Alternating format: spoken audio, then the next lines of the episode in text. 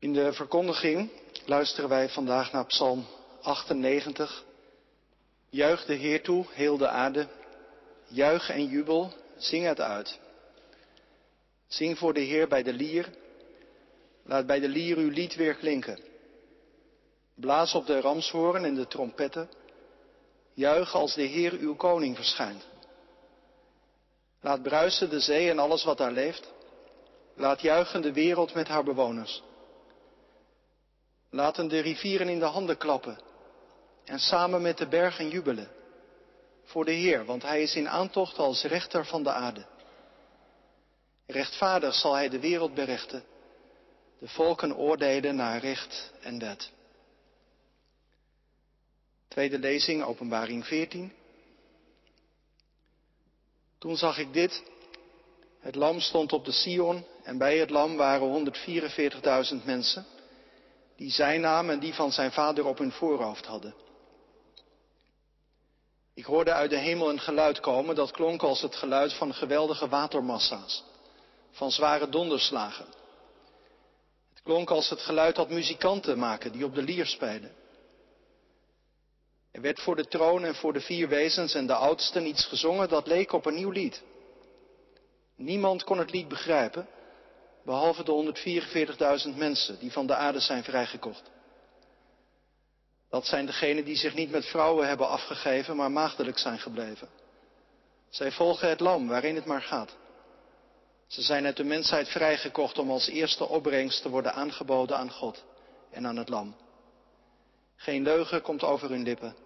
Er valt niets op hen aan te merken. Tot zover de lezing uit de Bijbel. Dit zijn niet zomaar woorden, maar dit zijn de woorden van God. Broeders en zusters, thuis, hier in de kerk, gemeente van Christus. Psalm 98 is een uitbundig lied. Er wordt gezongen en gejuicht, op de harp gespeeld, op trompetten geblazen en de ramshoorn weer klinkt. Maar dat is niet het enige, want ook de schepping doet mee. De zee bruist, rivieren klappen in de handen en jubelen samen met de bergen. Heel de wereld, alles wat geschapen is, het roept, het juicht, het zingt, het maakt muziek. In de traditie van de kerk heeft op deze vierde zondag na Pasen, Psalm 98, eigenlijk altijd een plaats gehad in de liturgie. Een uitbundig lied omdat de vreugde van Pasen nog steeds natrilt. Omdat heel de wereld in die vreugde mag delen. Zing voor de Heer een nieuw lied, zo begint de psalm. Er zijn, als je er naar op zoek gaat, heel veel plaatsen in de Bijbel waar die woorden ook klinken. Zeker in het boek van de psalmen en in drie andere psalmen klinkt precies dezelfde oproep. Psalm 33, Psalm 96 en Psalm 149. Zing voor de Heer een nieuw lied. Het unieke van Psalm 98 is dat direct daarna ook een reden wordt genoemd. Zing de Heer een nieuw lied staat in de onberijmde versie dubbele punt, wonderen heeft hij verricht. En dan gaat het zo nog even verder, daar worden die wonderen, om zo te zeggen, nog wat concreter gemaakt. Hij heeft zijn overwinning bekendgemaakt, voor de ogen van de volken zijn gerechtigheid onthuld. Dus eerst, daar begint de psalm mee, de uitnodiging om God te loven, om een nieuw lied te zingen, daarna de fundering ervan.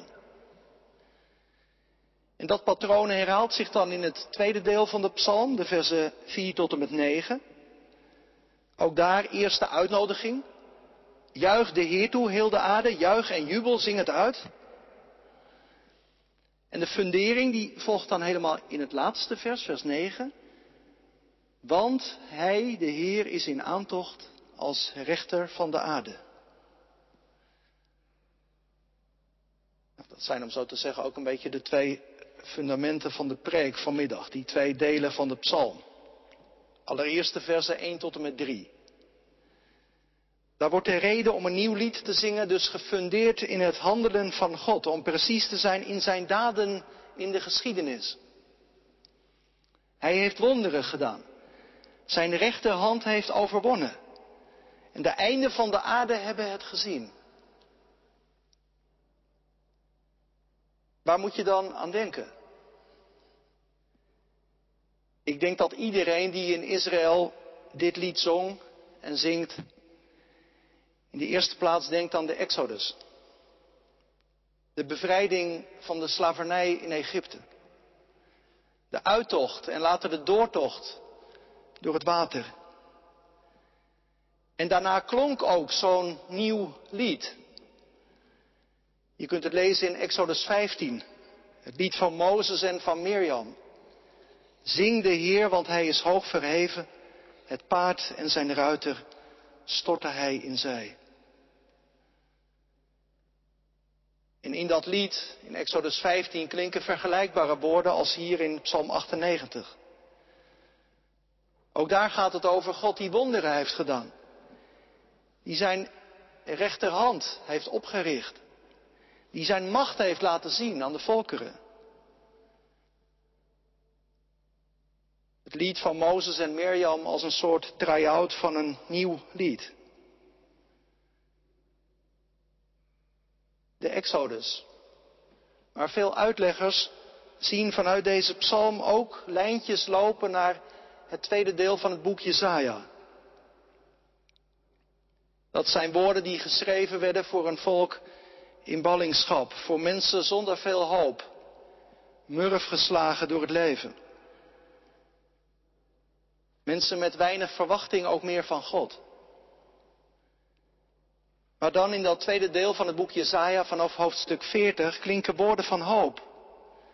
God zegt bijvoorbeeld in het 42e hoofdstuk, wat vroeger werd voorzegd is nu vervuld. Ik kondig jullie nieuwe dingen aan. En dan wijst de profeet naar een tweede Exodus. Nu niet de bevrijding uit Egypte, maar nu de bevrijding uit ballingschap in Babel. Terug naar huis. Die uitleg zou mooi passen bij het tweede vers van Psalm 98, waar gezegd wordt dat God zijn gerechtigheid heeft laten zien aan de heidenvolken. De mensen in Babel die waren er zelf getuigen van, dat het volk Israël terugkeerde. Ze zagen het met eigen ogen.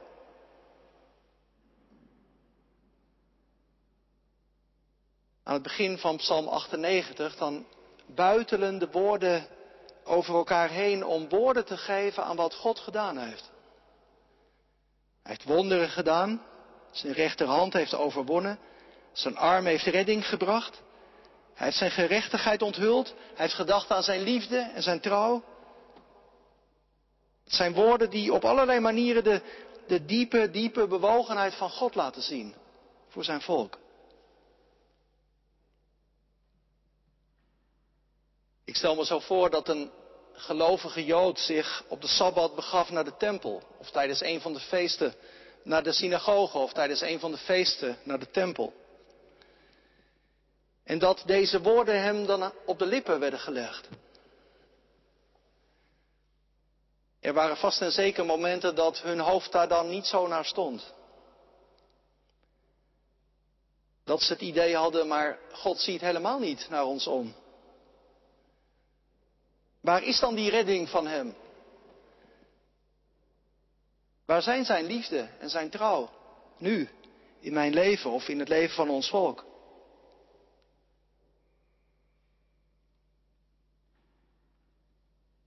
En toch werden deze woorden hen op de lippen gelegd. Want hoe gaat dat met een lied? Een lied komt van de andere kant naar je toe. En velen hebben de ervaring opgedaan dat al luisterend, al fluisterend, al zingend, de woorden toch weer binnenkwamen. Al zingend kwamen ze er weer in mee. Om het te zeggen met een strofe uit een gedicht van Willem Barnard.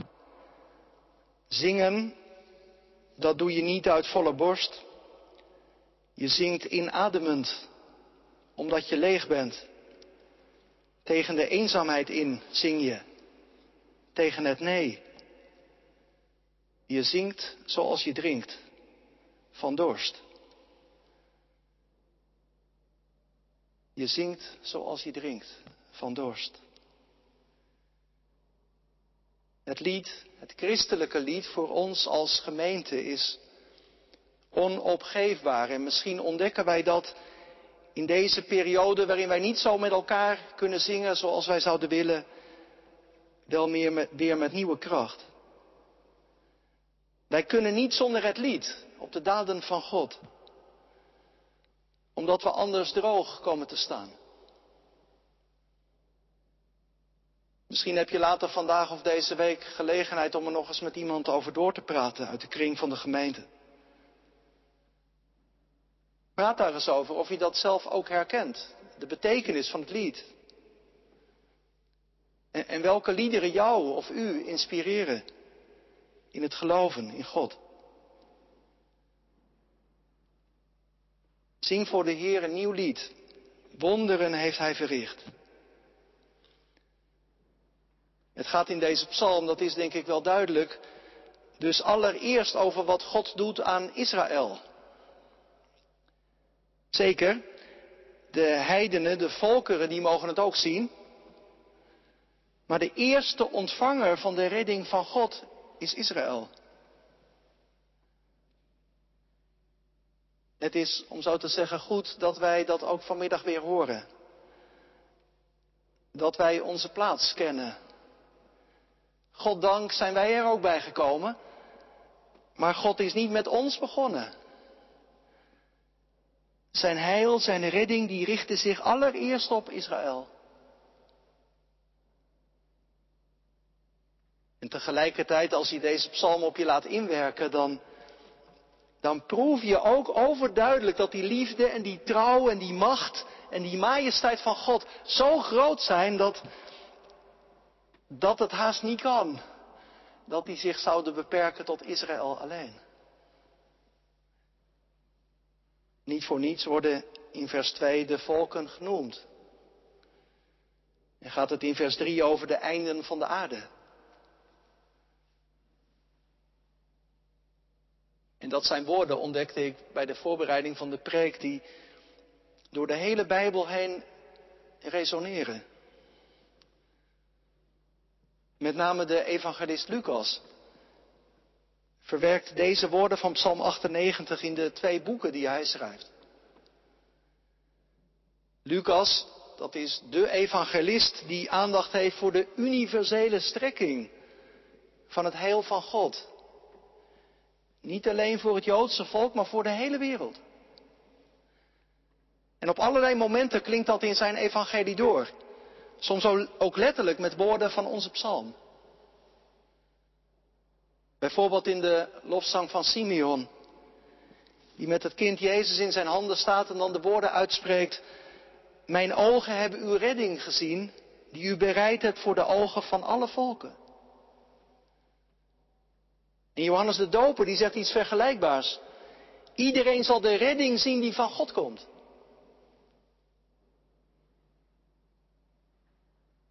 In de loop van het Oude Testament wordt dat telkens al een beetje duidelijker. Dat Gods liefde breed uitwaait. Maar echt open gaat het in de komst van Christus. Je zou kunnen zeggen, de redding van God, die wordt in hem vlees en bloed. In Christus wordt de liefde en de trouw van God, waar Psalm 98 over zingt, concreter dan ooit. Denk aan het kruis waar hij zijn armen wijd uitbreidt. Iedereen is welkom bij hem. En in zijn opstanding wordt de overwinning van God over de machten en de krachten als nooit tevoren geopenbaard. De dood zelfs verslagen. En als Christus zijn geest geeft, dan gaat dat evangelie van Gods redding de wereld over. Dan ziet en hoort iedereen het. En dan blijven mensen geen toeschouwer, maar dan worden ze ook echt meegenomen. Nou, daar heeft Lucas ook over geschreven in zijn tweede boek.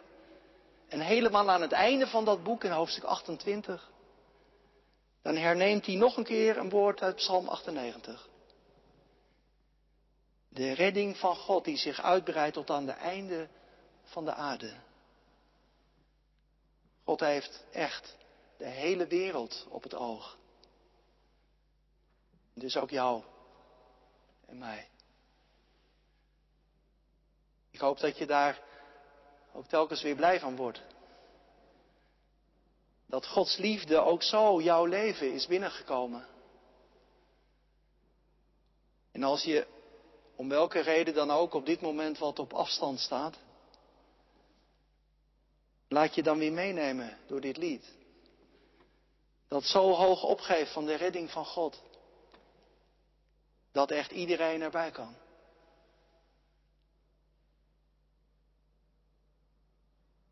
In het tweede deel van Psalm 98 wordt vervolgens wel duidelijk dat deze liefde en trouw van God om een reactie vraagt. Juich de Heer toe, heel de aarde, juich en jubel en zing het uit. Er wordt in dat tweede deel van de psalm een heel orkest opgevoerd. Eerst de instrumenten door mensen uitgevonden. De lier, de ramshoorn, de trompetten. En daarna de instrumenten die de schepping zelf in zich bergt. Het concert omvat mens en kosmos, zou je kunnen zeggen. Gods redding is dus niet alleen gericht op mensen, maar de hele wereld deelt in de vreugde.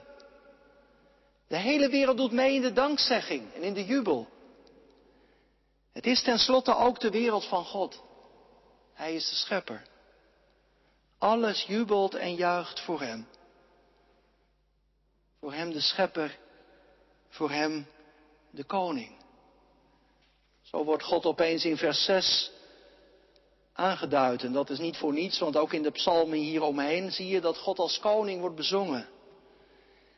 En die ramshoren die hier wordt genoemd, die past daar ook helemaal bij. Niet zozeer een instrument om muziek te maken, maar meer om een signaal af te geven. De koning komt. Bereid je voor. Juich als de koning verschijnt.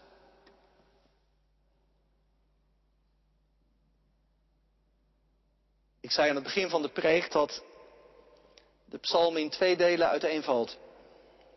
Beide delen beginnen met een uitnodiging om God te prijzen.